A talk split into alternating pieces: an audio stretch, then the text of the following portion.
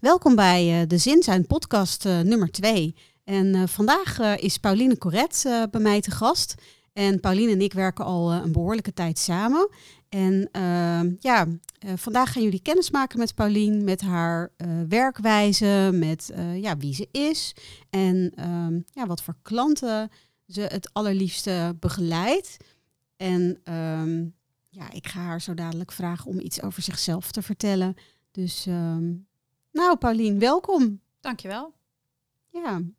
Nou, en om dan maar meteen met de deur in huis te vallen, zou je iets kleins over jezelf willen vertellen? Dus wie ben je? Um, ja, dat. Uh, nou, ik ben dus Pauline en ik werk um, al een hele tijd via Zin zijn, onder andere. En daarin uh, vind ik het vooral heel erg leuk om echt naar de cliënt te kijken. En ja, ze van daaruit uh, te, te, helpen. En uh, ik vind het gewoon heel leuk dat dat via zin zijn kan. Ja, precies. En het, type trajecten wat wij via zin zijn doen, dat is eigenlijk best heel divers. Uh, veel klanten komen ook via het UWV. ja, ook wel klanten die via andere organisaties komen. Um, wisselen tussen het werk fit maken traject, begeleiden naar werk binnen dat stuk van het traject, um, maar ook het werken aan de psychische en mentale gezondheid eigenlijk van onze klanten. En jij hebt een aantal best wel hele bijzondere uh, aandachtsvelden, aandachtsgebieden waarop je expert bent. Zou je daar ook iets over willen vertellen? Ja, klopt. Um, ik ben begonnen als uh, expert op het gebied van uh, hoogbegaafdheid bij volwassenen. Um, dus dat is eigenlijk het oudste gebied waar ik mee werk. Uh, en dat heb ik uitgebreid uh, naar um, hoogsensitieve personen. omdat ik gewoon merk dat dat eigenlijk vaak ook de basis is van hoogbegaafdheid. en van daaruit ben ik ook in aanraking gekomen met um, ja, een nog iets breder veld. En dat noemen we eigenlijk de neurodiversiteit. en dan kan je bijvoorbeeld denken aan ADHD, autisme en dergelijke. En ja, als je het een beetje samenvat, wat hebben al die mensen nou eigenlijk gemeenschappelijk? En dat is dat ze op een andere manier, een niet lineaire manier denken. Dus dat dat brein eigenlijk op een heel andere manier georganiseerd is. Um, en dat is mijn belangrijkste specialisatie. Um, want dat vraagt gewoon een heel andere aanpak van coaching. Uh, en een van de belangrijkste tools die ik daar, uh, die daar heel erg uh, op toegespitst is en die daar eigenlijk heel goed voor werkt om, om mensen wat beter met zichzelf te leren kennismaken, is de kerntalentanalyse. Dus dat is de. Hè, dus ik heb een specialisatie op het gebied van soort brein en een specialisatie op uh, een, op een methode die ik gebruik. Ja, precies. Ja. ja, en de kerntalentenmethode kennen wij allebei natuurlijk enorm ja. goed. Dus dat is al uh, heel mooi. Wat, wat maakt voor jou als begeleider coach, zeg maar, de kerntalentenmethode zo toepasbaar voor jouw specifiek soort uh, coachvragen? Of klanten met bepaalde Um, ja, wat neuroatypische breinen, hè, dus de neurodiverse breinen, die denken op zo'n andere manier. En die, dat wordt in ja, de manier waarop onze organisatie ingericht is, bijvoorbeeld met onderwijs en dergelijke, uh, ja, die worden gewoon niet um, aangesproken op hun talenten. Dus die mensen weten eigenlijk niet waar ze goed in zijn. Die zijn altijd maar bezig geweest met zich aanpassen aan de wereld. En ja, de kerntalentenanalyse, dan ga ik eigenlijk terug naar de kindertijd. Uh, en ga ik dan kijken, wat vond je dan echt leuk om te doen? En ja, dan, dan ga ik eigenlijk buiten het systeem om vragen van, ja, wie ben jij eigenlijk? Waardoor ze eigenlijk echt ja, zichzelf veel beter kunnen leren kennen. En daarom is die methode zo ontzettend geschikt. Ja. Um, ja, want dat is het allerbelangrijkste. Want als jij jezelf niet goed kent, dan kan je van alles nog wat proberen te doen, op, op wat voor gebied dan ook. Maar het, ja, het is gewoon niet, het sluit niet aan. Nee. Dus dat um, merk nee, ik dat dat, dat is, heel goed is. Dat is ook een visie die ik uh, heb. Dat um, met zelfkennis begint het echte ontmoeten met elkaar. Zo zie ik dat zelf ook wel. En dat is ook iets wat we binnen zin zijn met elkaar ook wel uh, ondersteunen, denk ik. Ja, ja. Dat, uh, ja. ja. Zo voel ik het in ieder geval wel. Ja, dus. precies. Dus. Ja, zeker. ja. Hey, en kan je nog iets meer vertellen over die neurodiversiteit? Over um, ja, met, met wat voor soort zaken zijn of met wat voor soort vragen zijn klanten bij jou welkom? nou, zoals je al eerder zei, doen we natuurlijk binnen zin zijn heel veel met UWV-trajecten. Uh, Dus ja, dat is vanuit een, uh, ja, ik ben vastgelopen hè, en ja. ik ben eigenlijk ziek thuis komen te zitten. Nou, dat is natuurlijk een heel belangrijke. Dus hoe ga ik reïntegreren? Dat is een hele belangrijke vraag. Uh, loopbaanvraagstukken aan zich zijn natuurlijk ook, uh, die, dat is een beetje verlengde daarvan. Liefst nog voordat je eigenlijk helemaal vastloopt en ziek wordt. dus preventie. Dat, preventie, precies. Dat is ook heel fijn om te doen. Um, maar ja, het, wat, wat het, het allerbelangrijkste voor mij is, is inderdaad die ontmoeting met jezelf. Wie ben jij? Dus dat soort hele ja, diepe vraagstukken, dat is eigenlijk het leukste om te doen. Ja. ja, dus mensen die eigenlijk echt zichzelf goed leren, willen leren kennen en die ook met daarmee ja, hun eigen visie op zichzelf, van wie ben ik nou eigenlijk en, en hoe sta ik in de wereld en ja, om daar uh, iets aan bij te kunnen dragen. Uh, zelfontplooiing, hè, dat zijn natuurlijk de allermooiste, tenminste vind ik in ieder geval. Ja. Want ja, dan, ja, dan ga je echt het, het diepe werk met jezelf doen en dat is het mooiste om te doen. Ja. ja. Hey, en, en is er ook misschien een anekdote of een ervaring die jij zelf hebt over hoe je jezelf hebt ontwikkeld in de afgelopen tijd, die je zou willen delen?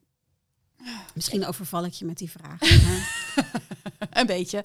Ehm, nou, ja, op zich, het, het, is een verhaal dat ik heel vaak eigenlijk vertel. Ehm, eh, ik kwam er op mijn 38ste achter dat ik hoogbegaafd ben.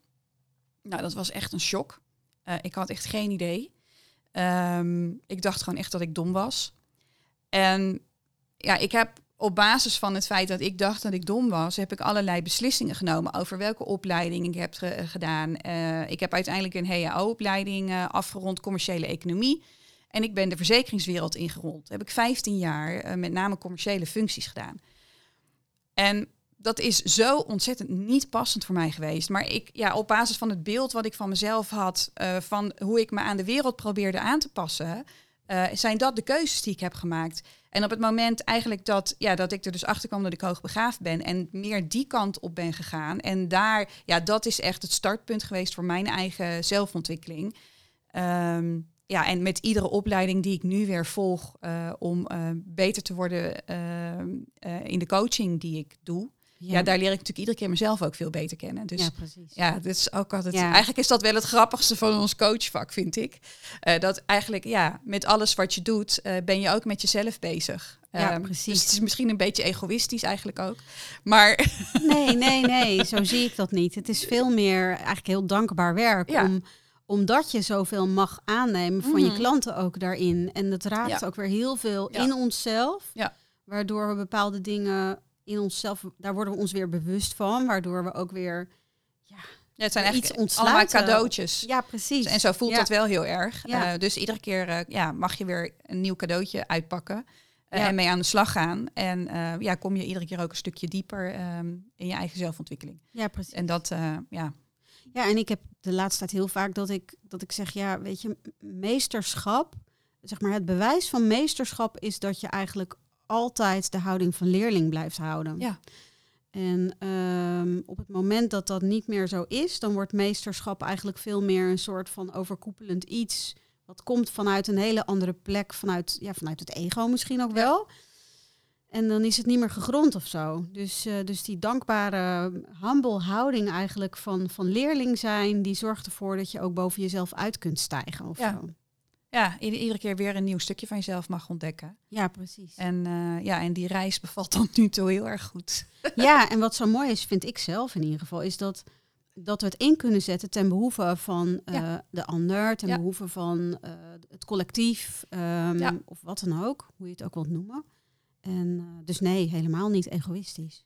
Nee, maar, ik weet, maar dat is ook wel weer grappig uh, hè, hoe um, een woord als egoïstisch zo'n hele negatieve ja, lading krijgt. En ik vind het juist ook, dat is misschien ook wel een van de dingen die ik heel erg leuk vind om te doen, om juist dat soort woorden van de lading te ontdoen. Dat is wel mooi. Ja, en uh, dus het is ook een beetje, ja, uh, ik doe soms een heel klein beetje provocatief coachen ook. En dit vind ik dan eigenlijk als zo'n heel klein splaagstootje. Een speldenprikje. Een speldenprikje, ja. precies. En ik hap dus, hè?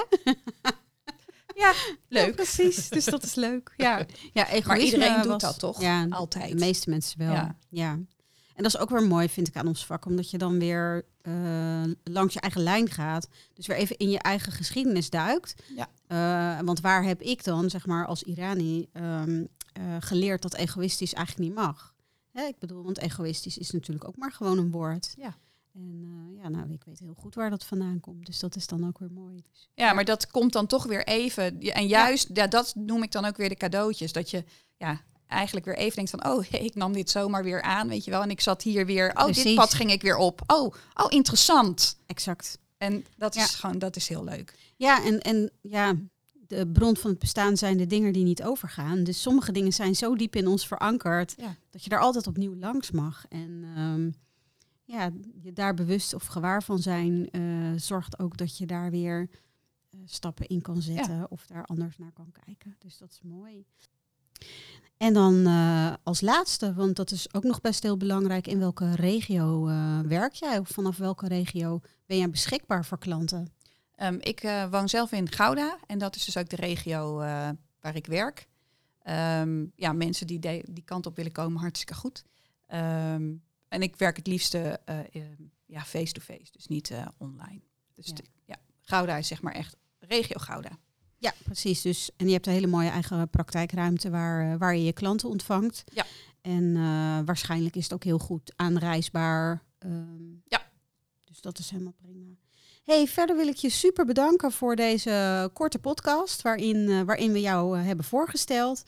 Um, als mensen jou nog uh, vragen zouden willen stellen, dan kunnen ze je bereiken via pauline.zinzijn.nl uh, of gewoon even googlen op je naam. Dan, uh, dan komt dat vanzelf ook goed. En bedankt voor het luisteren en ik wens iedereen een fijne dag.